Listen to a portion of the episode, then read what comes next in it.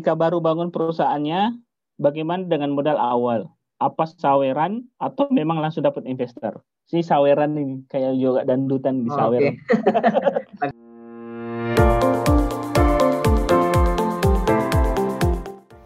ada yang baru di hari Rabu. MDV Rabu Baru Podcast kali ini akan bersama Kak Ahyar Muawal, CEO dari WASD Labs dan Resident Mentor Makassar Digital Valley. Selama satu jam ke depan akan dipandu oleh Kak Sulkifli AHT, CEO dari Sahabat Kreatif.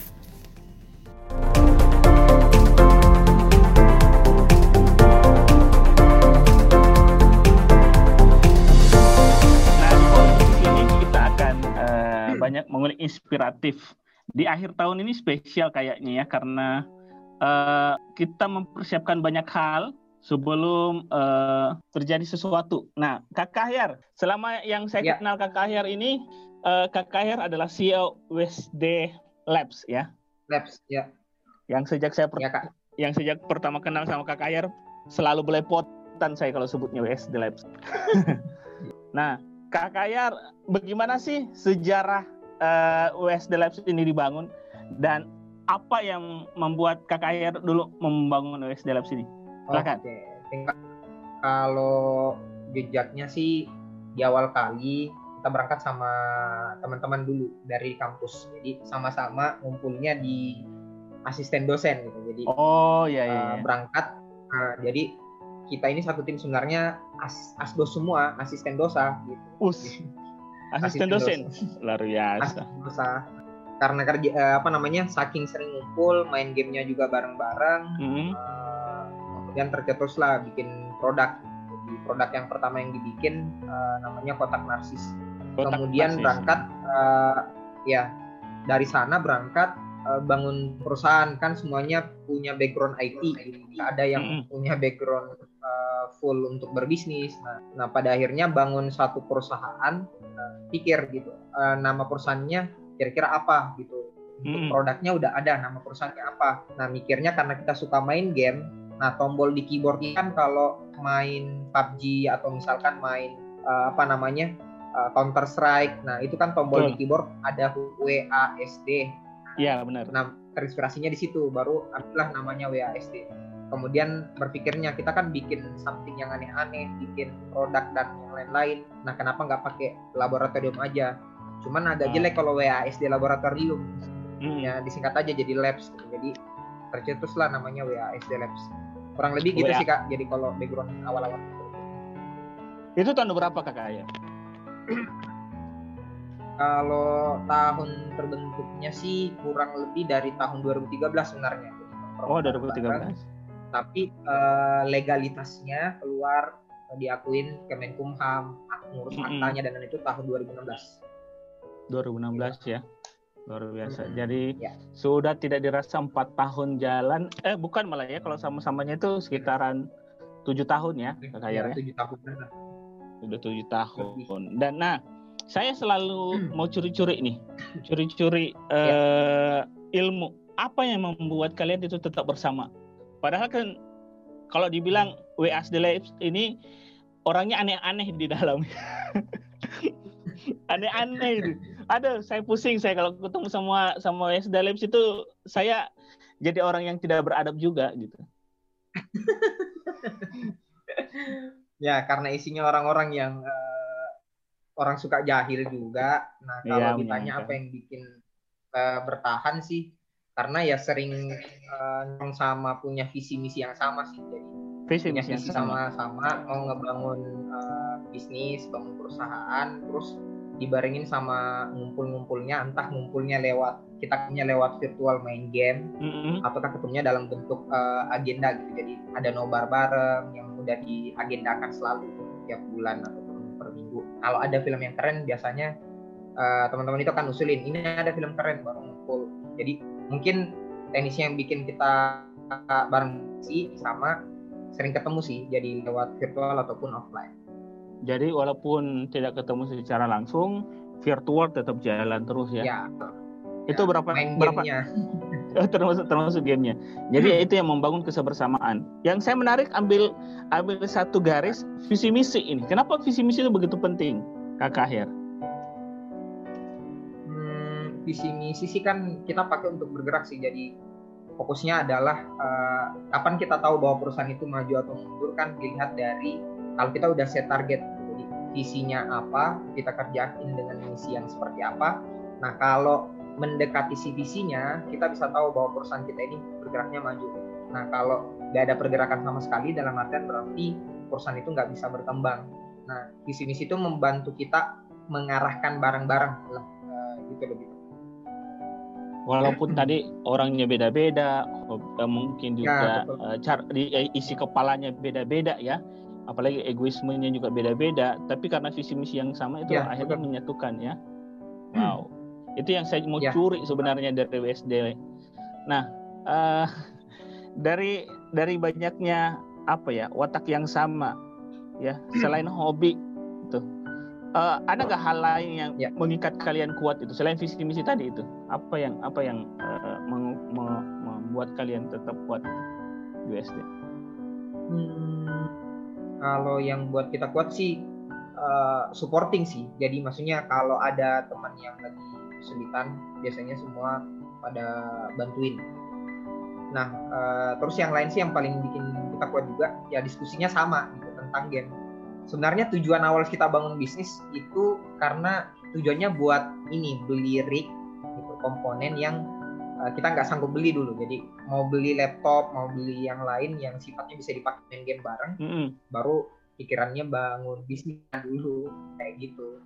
Nah ke sini ke sini sini ya pikirannya ya satu hal gitu. Bagaimana bangun bisnis yang uh, bisa jadi modal kita ke depan gitu, sampai diteruskan sama anak cucu. Nah, kalau yang bikin bertahan tadi uh, main barengnya, ngumpul barengnya, uh, perhatiannya bareng-bareng. Pokoknya bahkan sampai ke kamar mandi saja mau ditemani. Gitu. Luar biasa nih. Dan tanda kutip ya, tanda kutip ya. Ya, ya nah, artinya saking kebersamaannya itu ada. Nah, ada yang saya juga pernah kutip tuh kata-katanya ya. Lebih baik teman kita itu orangnya tukang kritik di depan kita daripada di belakang kita tuh. Itu itu yang sangat bekas banget tuh sama saya. Maksudnya bagaimana tuh ya? Uh, maksudnya gini kak, artinya kalau teman-teman di WSD itu lebih fokus bagaimana ngebangun dirinya kita masing-masing. Jadi hmm. bukan ngomongin di belakang, tapi kita bagaimana ngebangun seseorang ya kalau lihat ada problemnya langsung ngomongin hmm. jangan uh, apa namanya mainnya disinggung-singgung di belakang. Karena sama-sama kalau ngebangun sesuatu jujur-jujuran aja apa yang kurang apa yang lebihnya hmm. nah teman-teman bisa introspeksi nah itu modelnya bareng-bareng. Penyampainya langsung.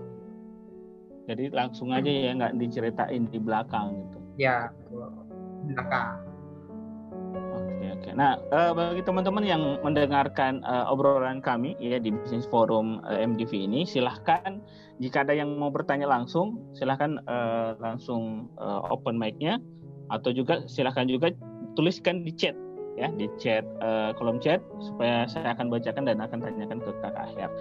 Nah lanjut di dua tahun 2020 nih kakak Ahyar startup iya. betul-betul yang kalau yang berjaya mungkin barangkali banyak ya startup startup terutama juga film startup gitu. Gara-gara film startup semua mau bikin startup nih. Saya juga bingung kemarin itu wow. Luar biasa sampai teman-teman di baru ngomongin terus tuh bilang kak bagaimana tuh film-film startup? Itu ada nggak di gini di Makassar? Saya bilang ada gitu. Sudah 2015 tuh kita bikin.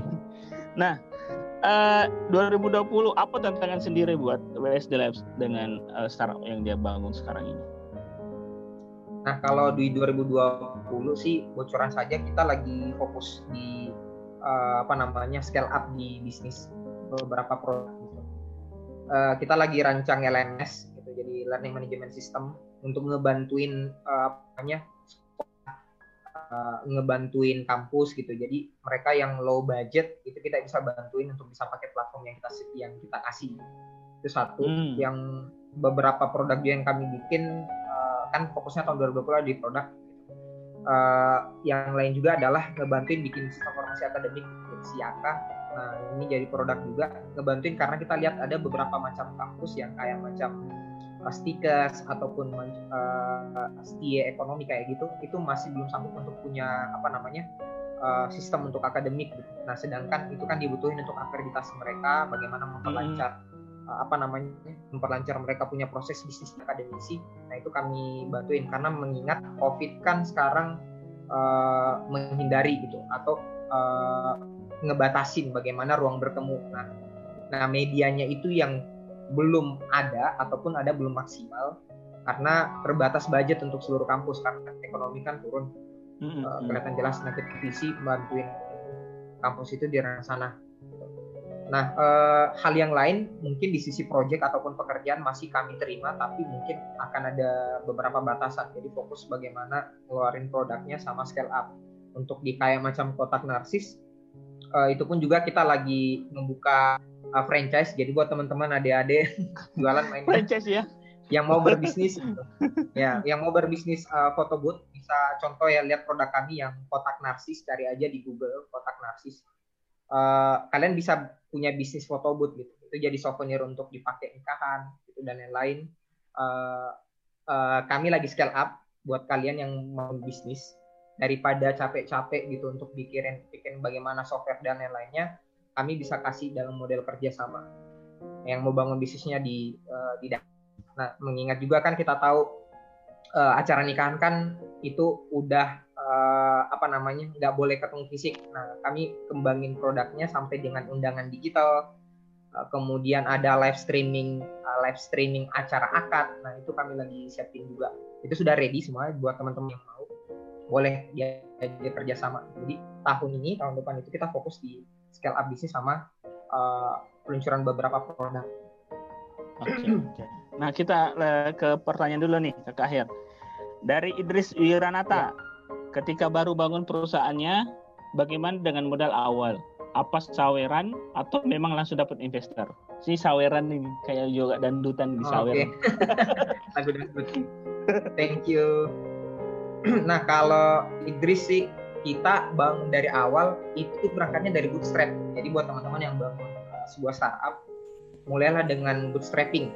Bootstrapping ya. itu apa kakak? Nah di kami pun nah, bootstrapping itu pakai modal sendiri, nggak pakai investor. Ah, pakai modal sendiri. Jadi basicnya kita uh, kenapa sebenarnya banyak sekali yang invest ke kita, banyak yang nanya bagaimana kalau kami mau invest itu kami sendiri nggak uh, bukannya mau menolak ya tapi ya, sombong teman-teman ya, sombong punya ya. visi yeah. punya visi artinya punya visi gini uh. takutnya takutnya ketika diinvest uh, visi dari produk yang mau dibikin itu akan belok gitu. berbeda ya, ya berbeda ya sesuai dengan arahannya karena tadi okay, yeah.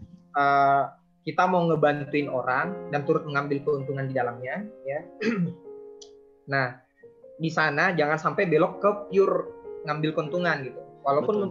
dapat untung it's hmm. okay no problem tapi jangan sampai kapitalis banget jadi jatuh-jatuhnya gitu. sedangkan goalsnya tadi agak berbeda nah kita mulainya mulai dari awal uh, 3F teman-teman jadi 3F itu fools family and friends kalau nonton film startup kayaknya juga udah dikasih saran di nggak tahu di episode berapa jadi teman-teman nyari uh, modal awal bisa jadi dari keluarganya tabungan kalian misalkan kemudian dari barang-barang kumpulin duitnya Nah, di kami sendiri mulai dari itu tadi.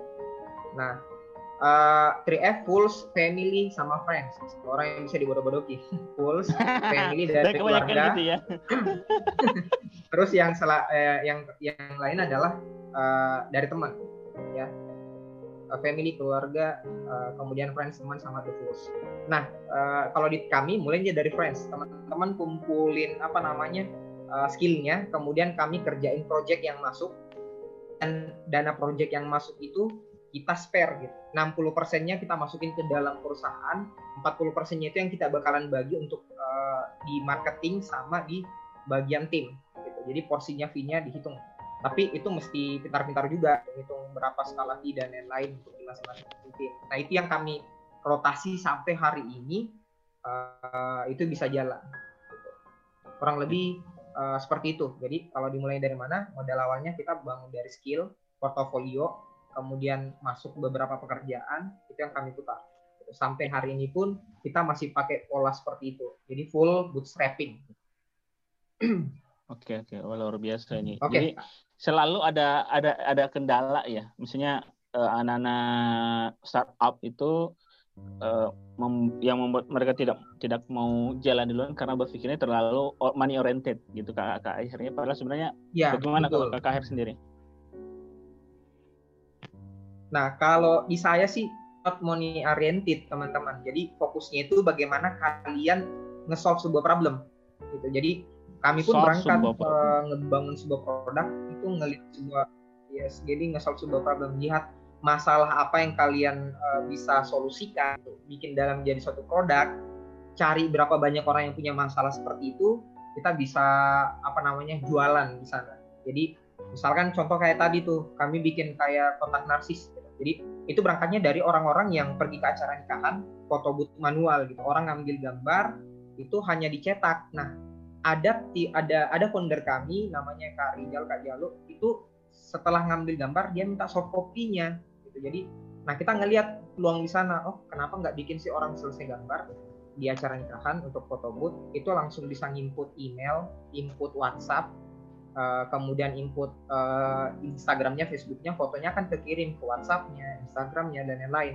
Tanpa perlu lagi harus difoto manual gitu. Yang lain di sana yang kedua adalah uh, keluarga itu kan melihat siapa aja sih keluarganya yang datang pengunjungnya yang datang. Nah kita bikinin lagi uh, buat lagi pengembangan produknya. Jadinya kita siapin galeri online. Kolase nah, ya jujur saja kolase, kita ya? bikin. Ya betul kak. Jadi jujur saja kita yang pencetus pertama di uh, Makassar bahkan di Indonesia deh. Uh, karena kita mulainya dari tahun 2013 itu bikin foto booth uh, modelnya kotak mesin hmm. yang bisa di share baru deh ngikut yang lain kayak gitu. Mulai dari Jakarta muncul di Makassar itu adalah satu brand lagi tapi alhamdulillah. itu bukan kita anggap jadi suatu uh, apa namanya suatu jadi kompetitor yang menghalangi. Itu ngebantuin kita ngebuka pasar gitu, bahwa ada model kayak gini loh yang bisa dipakai untuk beberapa event.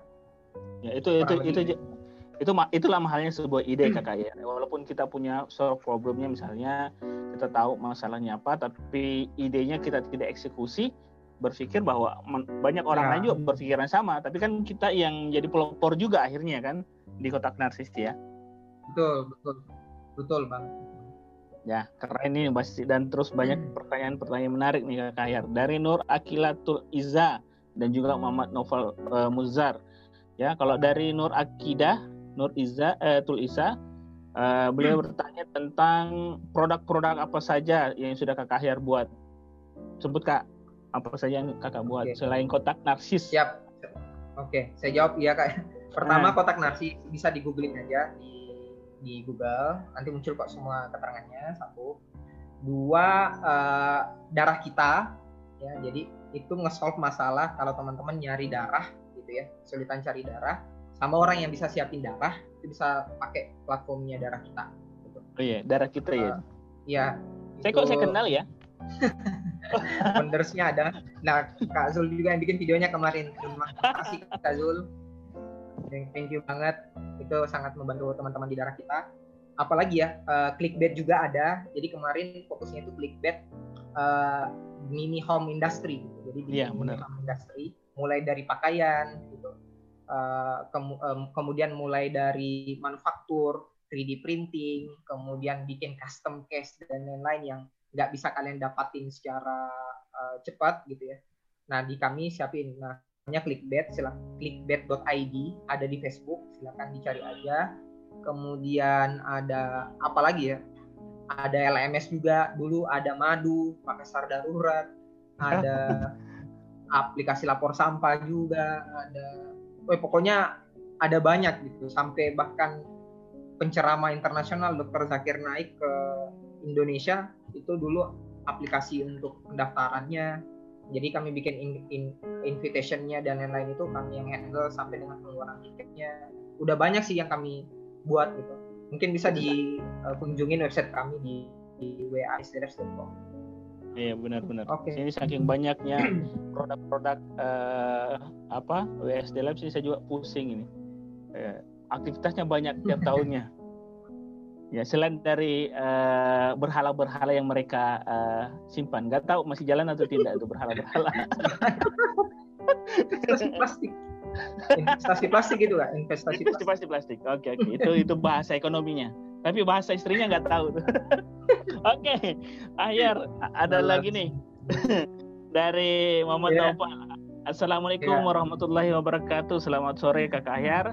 Saya mau tanya, buat Kak Ahyar, bagaimana proyek inovasi terbaru di 2021 dan dikembangkan jiwa entrepreneur 5.0? Nah ini proyek inovasi tahun 2021 itu kira-kira seperti apa Kakak Ahyar?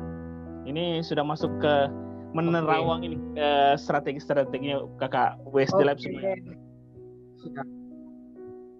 okay. kalau di kami sih ngelihat apa problem yang jalan sekarang, uh, ngesolve-nya, kemudian lihat ada peluang bisnis nggak di sana dari produk yang dibuat. Gitu. Kalau ditanyain uh, proyek inovasi terbarunya yang 2021 ya tadi kami lagi bikin uh, beberapa produk untuk di sifatnya di edukasi gitu itu satu uh, informasi sekali informasi uh, nah hasilnya kayak tadi edukasi mulai dari uh, LMS Learning Management System sistem informasi akademik uh, kemudian mulai dari virtual untuk proses pembelajaran itu lagi kami handling gitu. sampai dengan uh, perusahaan yang uh, mau pengunjung yang datang di lokasi fisik nah itu pun juga kita lagi uh, buatin uh, lagi ada kerjasama dengan satu dua BUMN yang besar. Nah, uh, eh, BUMN yang besar jadi ada satu yang PT di luar yang di Pare-Pare yang besar ya, yang semen mm-hmm. di uh, menjajaki kerjasama. Jadi uh, inovasinya adalah bagaimana uh, pengunjung yang datang itu bisa ditres sampai pindah ruangan dan seterusnya. Jadi kalau misalkan pengunjungnya itu uh, positif, misalkan COVID itu bisa ditahu dia rekam jejaknya ada di mana. Terus yang lain uh, kereta api yang ada di uh, Sulawesi Selatan ya, yang dari Makassar sampai Parepare itu pun lagi kami kerjain juga untuk uh, project monitoringnya. Nah itu kan kita lagi ngeliat juga tuh uh, apa namanya inovasinya karena uh, di lapangan kan nggak boleh banyak orang ngumpul gitu. Nah bikin scale model report, model pemantauan uh, project pengembangan kereta api itu dalam bentuk suatu aplikasi gitu. Jadi kelihatan progresnya berapa administrasi pekerjaannya itu pun lagi sementara. Jadi intinya sih kalau ditanyain proyek inovasinya kami ngelihat apa masalahnya apa produk yang bisa kami kasih dan ada peluang bisnis nggak di sana. Jadi tiga poin itu yang mesti uh, terjawab dulu gitu.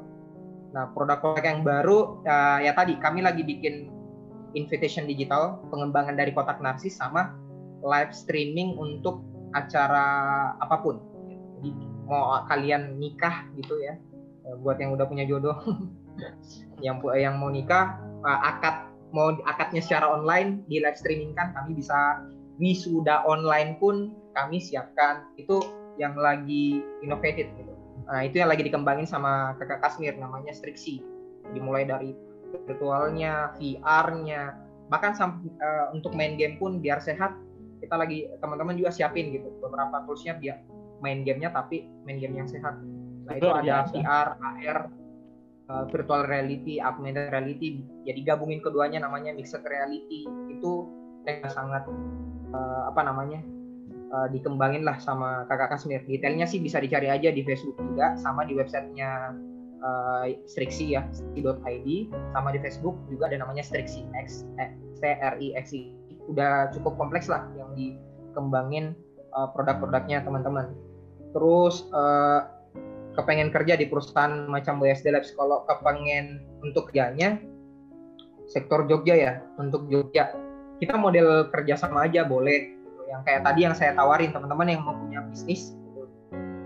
mau ngehandle event dan lain-lain itu kami terbuka gitu. kami siapin platformnya gini loh skema bisnisnya gini loh cara cari keuntungannya dan lain-lain itu kami uh, apa namanya provide buat teman-teman untuk kerja di perusahaan kami uh, mohon maaf gitu kalau WS Labs itu agak sedikit uh, strike untuk menerima teman-teman tapi kalau magang boleh kenapa? Karena di kami sendiri untuk ngehandling uh, apa namanya ngehandling pegawai dan lain-lain itu masih cukup belajar juga. Gitu. masih proses belajar juga. Jadi sembari scale up sembari belajar juga lagi nyiapin SOP-nya yang bagaimana yang benar dan lain-lain lah. Tapi eh, tadi ya kalau mau untuk pengembangan model produk teman-teman mau bikin bisnis di daerahnya teman-teman boleh. Kalau masuk di perusahaannya masih belum doakan ya biar up lebih besar lagi dan bisa nampung uh, pekerja-pekerja lebih banyak lagi. Iya iya. Jadi sabar ya. Ini banyak banget nih fans-fansnya Kak Kahir yang kalau dibilang ada Ya. yang bahkan ada yang sudah mau siap gabung nih kakak akhirnya Muhammad Noval yang mau buka cabang di Jogja. Ya, luar biasa ya. Insya Allah mudah-mudahan WSD Labs semakin besar dan juga eh, semakin berluas lagi eh, jangkauannya. Nah ada juga kakak Ahyar ah, ala ala Unas ini apa Ya. baca? Ini beliau tren tren 2021 kira-kira apa Ahyar? Apa itu kak? Apa? Tren Sorry. tren produk produk tren 2001 Oh. produk startup Oke. Kalau ditanyain tren produk, ya, ta- ya, tadi ya teman-teman bisa ngelihat mulai dari belajar pola hidup yang lagi berubah, yang berubah gitu. Jadi pola hidup apa itu? Mulai dari proses eh, distribusi barang, toh? kemudian mulai dari pembelian makanan, proses pembelajaran yang sifatnya digital, eh, kemudian proses e- eval lah yang teman-teman bisa lihat yang ke depannya lagi terdampak eh, pandemi sampai dengan masuk di new normal itu pasti tidak bakalan sama sebelum corona. Sekali lagi ya teman-teman, teman-teman bisa lihat gitu, tren yang ke depan itu pasti new normal gitu. Tidak bakalan sama sebelum corona. Mereka pasti akan melihat profit ke digitalisasi solution. Nah teman-teman pikirin produk sifatnya dari bagaimana memangkas distribusi, bagaimana proses uh, pembelian ataupun pembelanjaan, bagaimana proses edukasi yang secara modelnya digital, bagaimana model per- persuratan yang secara digital, mungkin overall yang yang kemarin yang mesti dikumpulkan secara fisik teman-teman bisa pindahin ke dalam model digital that's a trendnya kalau teman-teman dapatin uh, modelnya di sanalah peluang bisnis Ya, jadi lihat pola pola hidup yang baru ini ya Ahyar ya ya eh, jangan kebanyakan ngeluh lihat aja peluangnya apa yang dipelajari dan itu yang menjadi eh, kesempatan kita untuk bangun tren baru di 2021 ya, Eh, ya. Pak, ada lagi nih, ada tiga Ahyar yang saya bacakan. Saya pilih dulu nih yang mana paling bagus nih. Siti Nadira mau bertanya nih kak, butuh waktu berapa lama untuk membangun sebuah startup dan apakah saat kakak bangun startup ada kesulitan yang dilalui? Butuh berapa waktu kak bangunnya? butuh berapa waktu bangun startup satu hari pun bangun startupnya langsung jadi bisa jadi nemu timnya mulai dari CTO-nya ada, CDO-nya ada, Timnya ya, timnya ya. Bertahannya gitu ya, bertahannya. Produk yang dibangunnya itu sesuai dibutuhin orang atau Hmm. problem solve dari produk yang dibuat. Nah, kalau eh, waktu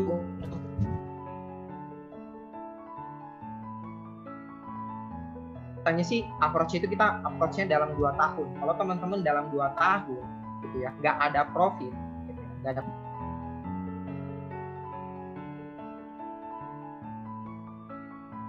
di sini yang teman-teman bisa lakukan kalau nggak ada profit, nggak ada model uh, approach ataupun pengembangan startup selama dua tahun itu kalau nggak ada ada dua hal. Pertama berhenti, gitu ya berhenti.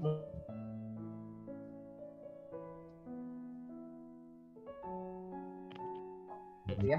Pivot, pivot itu berarti teman-teman ngerubah model skema bisnisnya.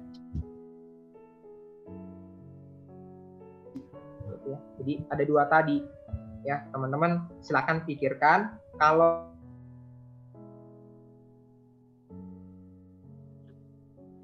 uh, lagi apakah ada bangun uh, masa sulitnya? Pasti ada gitu ya. Bangun startup itu Hmm. yang di mana? Pertama sih selalu mikirnya dari produk yang dibangun. Kalau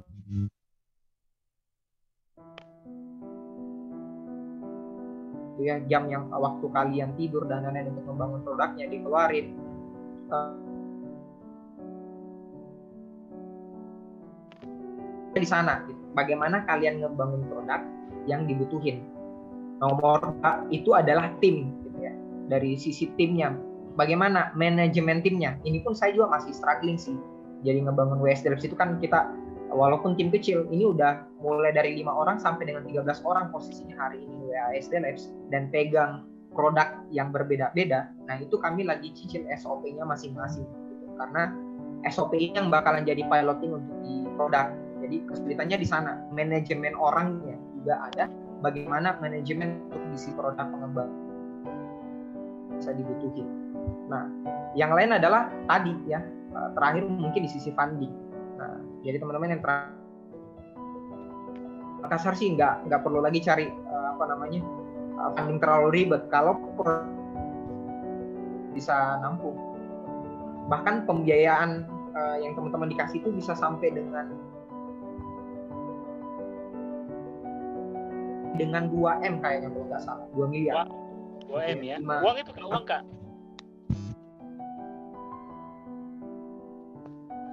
Jadi uh, intinya teman-teman bangun produknya, masalah funding itu tadi kesulitannya adalah nemuin produk yang tepat dan ada penggunaan. Oke. Okay. Oke, oke. Kalau Kakak Ahyar, ini ada beberapa pertanyaan lagi nih. Kak Ahyar kayaknya putus-putus deh. Ahyar, uh, internetnya agak ini. Agak Halo Kak Sul. Halo, halo, ye. Kak Sul suaranya hilang. Halo, halo.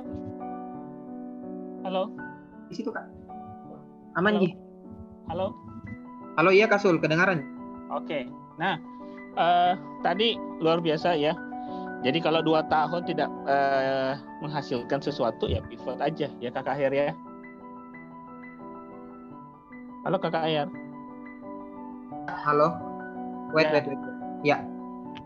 Ya, jadi dua tahun uh, bisnisnya tidak jalan atau startupnya nggak nggak nggak menghasilkan duit ya, Hmm. ya sudah uh, berhenti sejenak atau pivot ya. Gitu. Oke. Eh, kita masuk ke pertanyaan selanjutnya. Eh, bisnis yang paling tepat di masa pandemik saat ini ya secara ROI cepat nih. Ini dari Sugianto Mkom. Oh Pak Sugi nih. Halo Pak Sugi. Apa kira-kira kakak Ahyar? Yang cepat dan cepat ROI-nya juga bedeng. Oke, ini suara saya masih putus-putus kak atau sudah aman? Ma, masih putus-putus tapi agak bagus sekarang.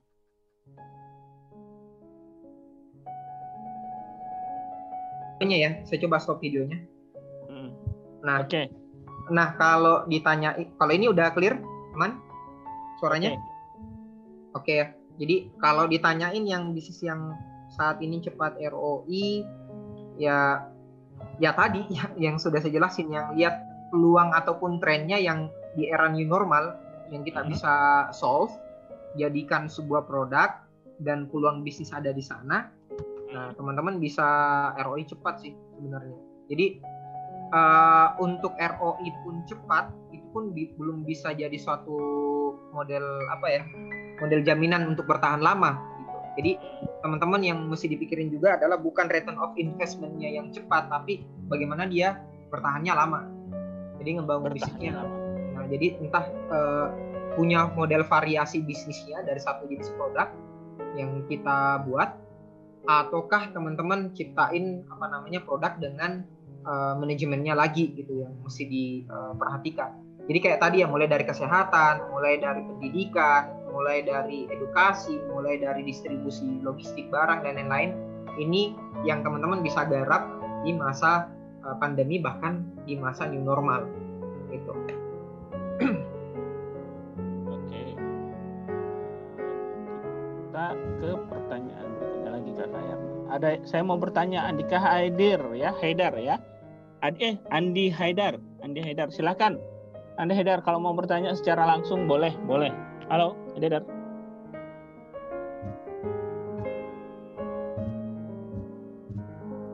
Andi Haidar. Oke.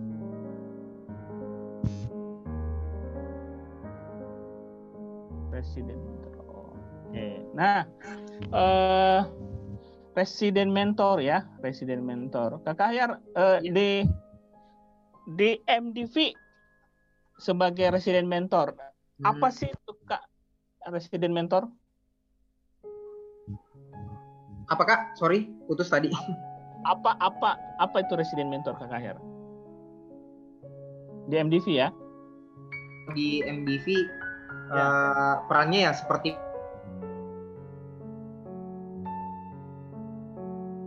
Ya, kayak kayak yang putus sabar ya. sabar. Iya, putus. Agak nih agak agak kenceng kayaknya lagi hujan ya. Kak tuh dipanggil lagi ke air. Kakak Ayar, kamu ke mana saya se- sendirian di sini ya? Ya tapi eh, menarik karena Kakak Ayar tadi mengatakan bahwa eh, sambil menunggu ya Kakak Ayar, eh, kuncinya adalah problem ya. Lihat problemnya apa, kita diuji di 2020 ini itu luar biasa pandemi. Oh, nah, Halo, halo, halo Kakak halo, aman ya? aman, Sekarang bagaimana kak? Aman jaringan? bagus, Aman? bagus, Ya, be- eh, pindah provider lagi nih. Eh, luar biasa. Orang kaya pindah ya. provider. Tidak kak, pakai kuota. Kalau kalau kuota- kalau provider kompetitor jangan disebut ya. Oh iya iya. Maaf, iya iya. Ya, nggak disebut ini kakak, nggak disebut. Pindah Eh, ya. provider, makanya saya sebut X yang lain. Re- Residen sebagai residen residen mentor, apa sih tugasnya Ya. Kakak Ahyar di MDV? Dan sudah sejak Oke kapan? kak. Nah, kak, siap. Kalau resident mentor itu kan perannya sama kayak eh, mungkin di mentor eh, bisnis ataupun program yang lain. Cuman di kita itu fokusnya adalah bagaimana ngebantuin teman-teman yang punya startup dibina dalam eh, Indigo maupun maupun juga di MDV sebenarnya. Itu fokusnya mulai dari semua lini bisnisnya. Jadi mulai dari fase mereka masuk di ngevalidasi customersnya, ngebantuin ngarahin mereka nemuin customer yang tepat, kemudian pindah fase masuk ke fase uh, product validation di PV mereka harus uh, apa namanya memastikan bahwa produk yang dibuat itu sudah sesuai enggak ketika tadi sudah dapat customer yang tepat gitu. Udah benar ada customer yang bermasalah di sana di PV mereka bikin produknya kemudian sampai dengan masuk di fase BMV business model validation produknya udah dipakai. Terus bagaimana ngembangin bisnisnya? Nah perannya semua mentor resident mentor itu di sana gitu. Eh, nge- ngepantau, ngebantuin, ngas, eh, apa namanya, ngebantu ngarahin, ngasih insight, ngebantuin bagaimana teman-teman yang punya startup di Indigo itu bisa jalan lebih baik dan punya eh, pengembangan lah. Eh, dari satu fase ke fase lain hingga mereka bisa eh, besar lah unicorn. Kita punya impian yang besar adalah melahirkan unicorn unicorn yang ada di eh, startup-startup unicorn yang ada di Indonesia. Jadi bukan hanya ada uh, Gojek ataupun Grab ataupun yang lain yang ada di Indonesia kita ngebantuin teman-teman sampai bisa unicorn lah eh, startup-startup yang baru jalan itu untuk sampai ke tahap unicorn. Luar biasa. Ya. Nah, eh, apa kesulitan yang paling terbesar yang eh, Kakak Ahyar pernah temui eh, di teman-teman startup? nah kesulitan yang paling besar sih di bagian attitude Oh, attitude. ya nih, attitude nih, nih. ya ini attitude sih Bawah jadi ya. eh, yang saya Monster. dapat gitu, kita kita apa namanya suruh datang gitu Eh, nggak datang gitu suruhnya datang Wow. jam yang jam sekarang ya masalah klasik lah kalau saya sih bilangnya gitu. jadi teman-teman walaupun kalian punya produk yang bagus juga gitu ya kalau kalian nggak punya sifat founder yang bagus itu juga malah ngejatuhin startup kalian sih. Kalau yang saya dapat sih rata-rata gitu. Jadi kadang kalau kita suruh datang nggak datang. Disuruh untuk siapin marketing toolsnya seperti ini nggak dieksekusi gitu. ada pun dikerjain tapi nggak apa namanya nggak di follow up dengan baik gitu. Nah sedangkan kita sudah bantu ngarahin. Seandainya diikutin aja itu uh, beberapa saran itu mestinya bagus lah gitu untuk di sisi pengembangan startupnya kesulitan yang pertama di sana kesulitan yang kedua adalah uh, apa namanya nge-strike supaya produknya itu bahwa uh, dia bisa temuin pasar yang tepat gitu. jadi sama-sama bantu critical thinking sampai dengan problem solving dari sisi mereka hadapi. Jadi kalau mereka punya problem, ngelemparnya semua bakalan ke mentor. Gitu. Nah di mentor kita bantu kasih saran, nah sisanya uh, mereka eksekusi, bahkan mancing mereka juga punya inisiatif lah bagaimana nge-solve mereka punya produk uh, masing-masing. Tapi yang kesulitan yang paling pertama sih di itu tadi. Yang saya dapat ya, yang selama mentoring Ya. itu di attitude. itu sih jadi masalah asik. Ya, Attitude itu founder. Ini, Ya, eh, Ad- Adik Haidar mau bertanya, sudah open mic-nya. On kan mic-nya. Andi Haidar? Halo. Ini kayaknya Andi Haidar masih melamun kayaknya, terpana. Atau silakan kalau ada yang mau bertanya langsung sama Kakak Ahyar, Silahkan ditulis lagi pertanyaannya di chat atau open mic ya. Bilang, oke. Okay. Uh, eh, Andi Header? Oke. Okay. Sudah mau bertanya Andi Header? Baru connecting, baru baru siap-siap nih. Nah, uh, menarik nih soal attitude nih. Jadi uh, bagaimana waktu kita besar ya kalau hal-hal yang receh yang kayak ya kalau saya bilang sih receh memang. Receh memang sederhana yeah. banget. Tapi sulit paling sulit dilakukan untuk uh, seorang founder. Ya. Nah bagaimana KKR sendiri melihat uh, kalau dibilang persentasenya berapa kak di Makassar ini? Anak-anak ya apa nah teman-teman ya dia baru bangun startup uh, dari segi itu ya. Kalau di sisi IT itu mungkin ada 40% sih. 40 persenan. Uh, uh, sisanya yang lain yang bisa keep survive. Jadi bagaimana mereka bisa surviving di sisi mereka punya produk kemudian bagaimana mereka bisa apa namanya bertahan di sisi uh, apa namanya di sisi yang uh, manajemennya di sisi produk yang mereka jalankan survive lah. Sehingga mereka bisa apa namanya uh, mandiri dapat penghasilan dari startupnya itu sendiri yang dijalanin. Kalau persentase di sana. Nah, yang saran hal yang lain sih sebenarnya yang yang saya mau sampaikan adalah teman-teman ketika ngebangun startup gitu ya, uh, ngebangun startup selalu ingat gitu bahwa kalau kalian ngebangun produk gitu ya, bukan kalian yang mau nikmatin produknya, tapi ada orang lain gitu yang yang mau pakai produk kalian. Jadi fokuslah di customernya kalian ya. Fokuslah di customer kalian. Jangan bikin sesuatu yang nggak dibutuhin atau sekedar buat kejar bahwa ini keren pasang ini keren dan seterusnya nggak. Hal bahkan sekecil apa pun teknologi yang kalian pakai tapi ada orang yang gunain it's okay. Selama itu bisa menjawab permasalahan jadi nggak perlu harus canggih-canggih amat kok aplikasi yang kalian bikin software yang kalian bikin gitu untuk jalanin sebuah startupnya gitu ya. Bahkan mau pakai WordPress pun Blogspot pun yang kalian pakai untuk bikin website misalkan. Selama itu menjawab sebuah problem survive gitu kalian punya startup. Kuncinya ada di sana fokusnya di customer kalian. Itu kak. Oke kuncinya ada di customer fokus sama customer. Ini ini satu poin lagi yang saya dapat pelajaran dari kakak Her uh, yang di mana banyak banyak fase yang harus kita lalui. Uh, nah, Kakak ya, di 2021 apa yang kami harus preparing untuk untuk dijalankan? Yang notabene itu sudah hampir uh, beberapa hari lagi ya, dua hari lagi ya. Ini 2021 apa yang harus kami bawa nih uh, teman-teman startup uh, sekalian di tahun 2021 ya, di mana tahun 2020 kita bilang masanya luar biasa ya nggak keras bahkan saya pribadi saya nggak kerasa ini sudah 2021 aja nih. Nah apa yang harus kita siapkan kakak ya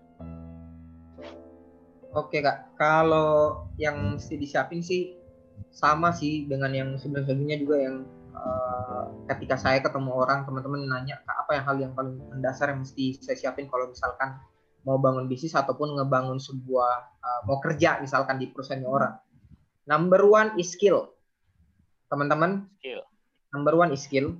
Skill kalian menentukan model masa depan kalian. Percuma ijazah S1, keluarannya Eskom semua ya, nggak ada pembedaannya gitu. Sel percayalah seluruh kampus itu cetak Eskom semua, gitu ya. Cetak uh, sarjana-sarjana semua. Gitu. Yang membedakan kalian itu apa? Yang membedakan kalian itu adalah skill kalian. Jadi bangun skill kalian di tahun 2021 pun tetap sama. Number one is uh, ketika di personal masing-masing bangun skill kalian.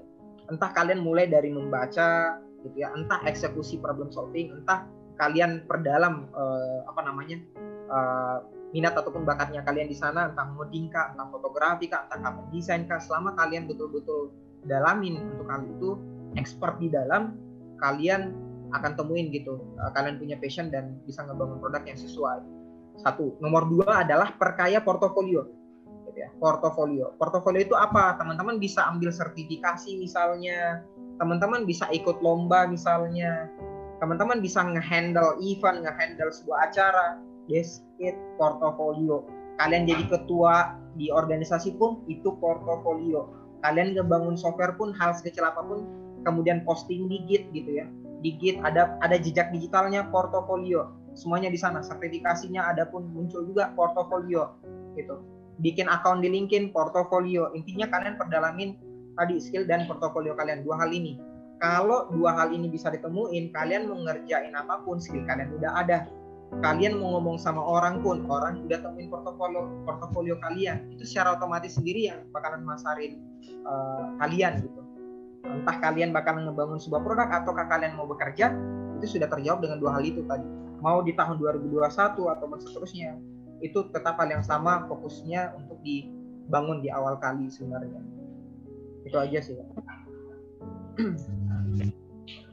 Mbak yang saya eh, catat di 2021 teman-teman uh, harus memiliki skill yang baik dan juga perkaya dengan portofolio. Benar banget bahwa apa yang kita harus uh, punya sekarang ya orang tidak ngelihat lagi uh, apa titelmu berpanjang-panjang ya, tapi apa yang kau bisa untuk melakukan sesuatu, untuk mengembangkan sesuatu ya Kakak Hari ya. Kak, betul. Nah, uh, Andi Haidar masih mau bertanya untuk atau suara Andi Haidar masih nunggu juga. Kita masih beri kesempatan jadi kita uh, masih memberikan kesempatan untuk teman-teman uh, bertanya mulik-mulik apa saja resep dari kakak untuk terus berjalan membangun uh, startupnya. Uh, selain itu kayar nanti kita bahas tentang residen uh, halo kak. Agak kecil ki suaranya kak. Halo? Halo ya ya apa saja yang dilakukan uh, kak Kahir uh, di MDV selain uh, mentor. Oke. Okay. ada, cukup banyak sih. Mulai dari pertama mentoring uh, mentoring proses uh, perkembangan dari startupnya. Dua uh, menjadi problem solver ya jadi mentor untuk sebagai problem solver. Bahkan sampai dengan hal sekecil untuk membuat perjanjian kerjasama bagaimana menjembatani antara si startup dengan ketemu sebuah perusahaan uh, itu pun kadang mentor masih turun gitu uh, kemudian yang lain bagaimana juga kalau dia proses deal dealnya dengan uh, perusahaan itu biasa kami uh, bantu juga gitu bagaimana model MOU-nya bahkan hal sampai sekecil macam marketing tools itu pun kami bantu juga. Jadi bagaimana membuat marketing marketing tools yang menarik ketika orang udah di share orangnya tertarik gitu. Jadi uh, ya tadi jadi mentoring mentor di MDV di mana pun lah ya. Saya rasa Kak Sul juga ada gitu. Nah kita bagaimana ngebantuin lah teman-teman uh, startup gitu sampai teman-teman ini bisa go unicorn, go unicorn. Nah unicorn pun sebenarnya Eh, teman-teman uh, mesti ingat jalur menuju ke sana itu nggak nggak singkat gitu.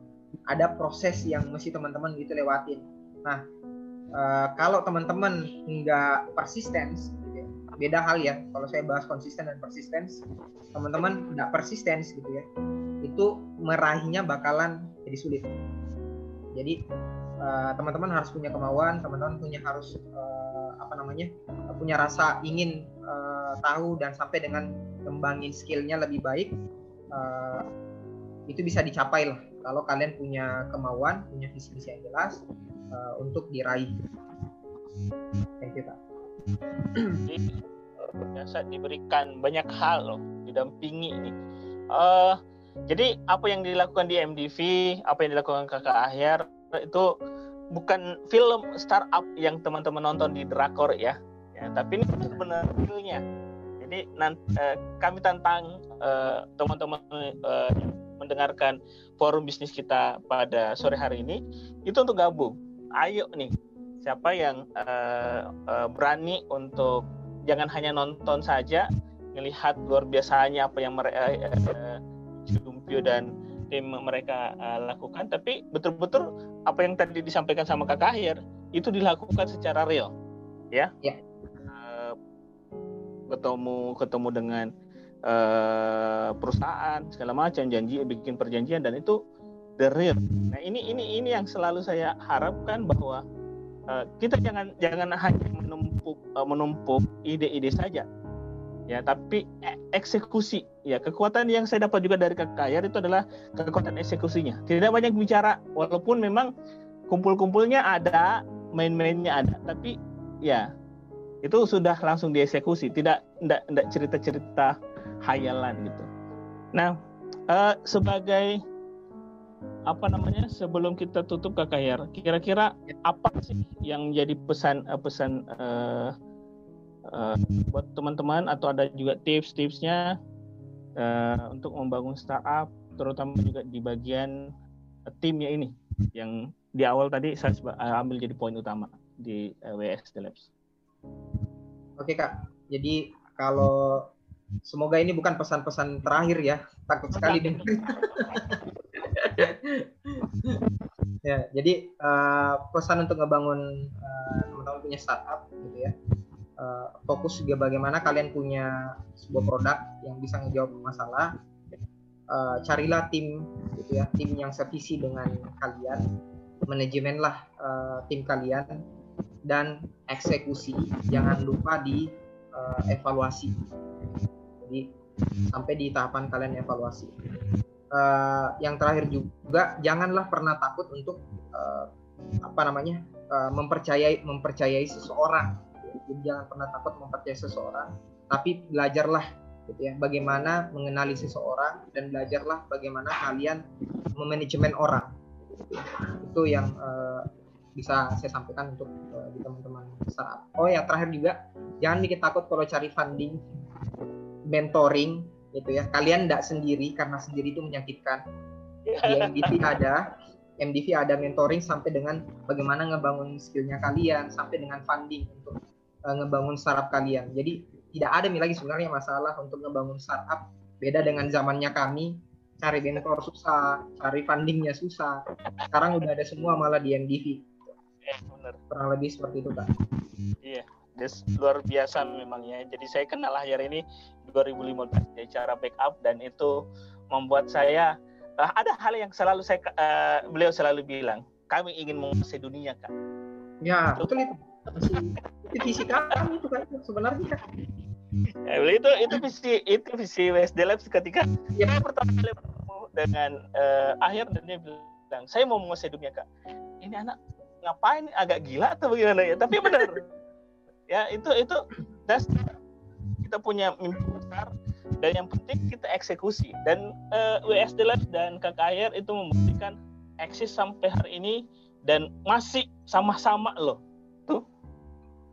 satu tim dengan uh, masih komplit dengan uh, semuanya dengan kesibukan masing-masing ya. Jadi ingat di WSD Labs itu mereka masing-masing punya kesibukan. Ada yang dosen, KKR itu juga dosen juga uh, apa KKR? Pendamping UMKM ya? Ah ya. iya, konsultan juga tenaga ahli. Tenaga ahli di UMKM. Masih konsultan UMKM juga, seorang uh, suami juga ya dan alhamdulillah memang sudah divalidasi uh, kegantengannya tamparannya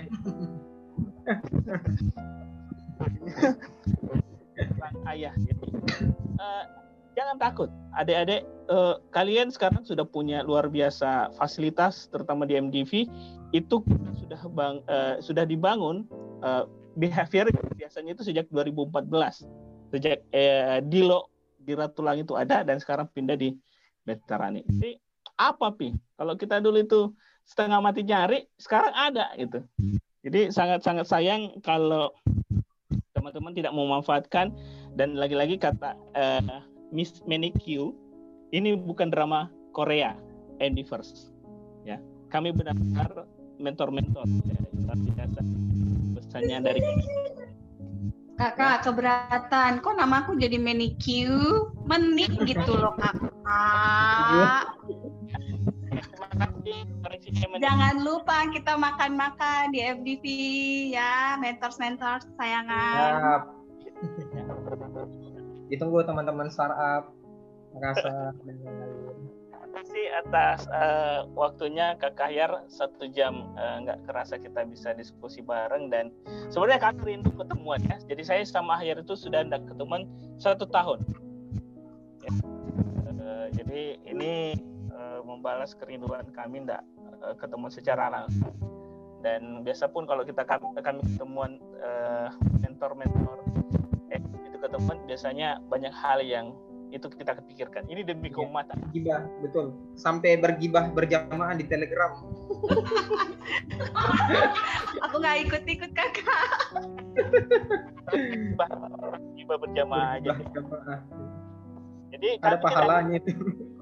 Saya lihat film startup, ya benar karena kami sudah melalui banyak hal di sini dan ini bukan drama. Lagi-lagi itu dramanya lebih seru lagi daripada uh, uh, drama Korea sebenarnya ya karena di drama Korea tidak pernah bakar-bakar ikan ataupun masak-masak. Oh iya Kak Sul, ada pemberitahuan juga nanti ini Kak Sul.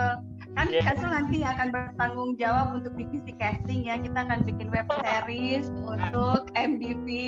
Jadi ala-ala drakor-drakor gitu, tapi pemain-pemainnya anda-andalah semua dan uh, mohon bantuannya MD First. Siapa tahu ada yang menjadi Nam Dosan, Sodalmi, Han Ji Pyong ya silahkan ya nanti di casting sama Kak Sul di Sahabat Kreatif. Oh, mau bikin drama juga ya? Oh, luar biasa ini. Ini dua project 2021 sudah dibongkar sama uh, Ibu Minik Q ya. Minik ya. Oke, okay, terima kasih semua. Uh, saya tidak bisa sebut satu-satu. Uh, mulai dari siapa nih? Teman-teman yang sudah beri pertanyaan. Idris Wiranata, terima kasih. Nur Akidah, terima kasih. Terus Muhammad Naufal terima kasih, Ala Unas terima kasih, Siti Nadira terima kasih dan Sugian Pak Sugianto ya terima kasih. Terima kasih untuk semuanya dan teman-teman selamat uh, eh, 2021 dengan semangat. Jangan terlalu berpikir macam-macam karena masa depan Anda Anda yang menentukan. Ayo jalan dan kita mulai dengan lebih baik. Terima kasih dari saya, terima kasih Kak Ayam, terima kasih Kak Ager ini. Saya, Kak Ader ini, saya lempar ke Ader ini. Terima kasih. Assalamualaikum warahmatullahi wabarakatuh. Selalu ada yang baru di hari Rabu. MDV Rabu Baru Podcast akan hadir mengulas seputar tren teknologi terbaru, update terkini ekosistem industri kreatif digital, dan obrolan seru bersama tokoh-tokoh inspiratif. Jangan lewatkan setiap hari Rabu hanya di MDV Rabu Baru Podcast.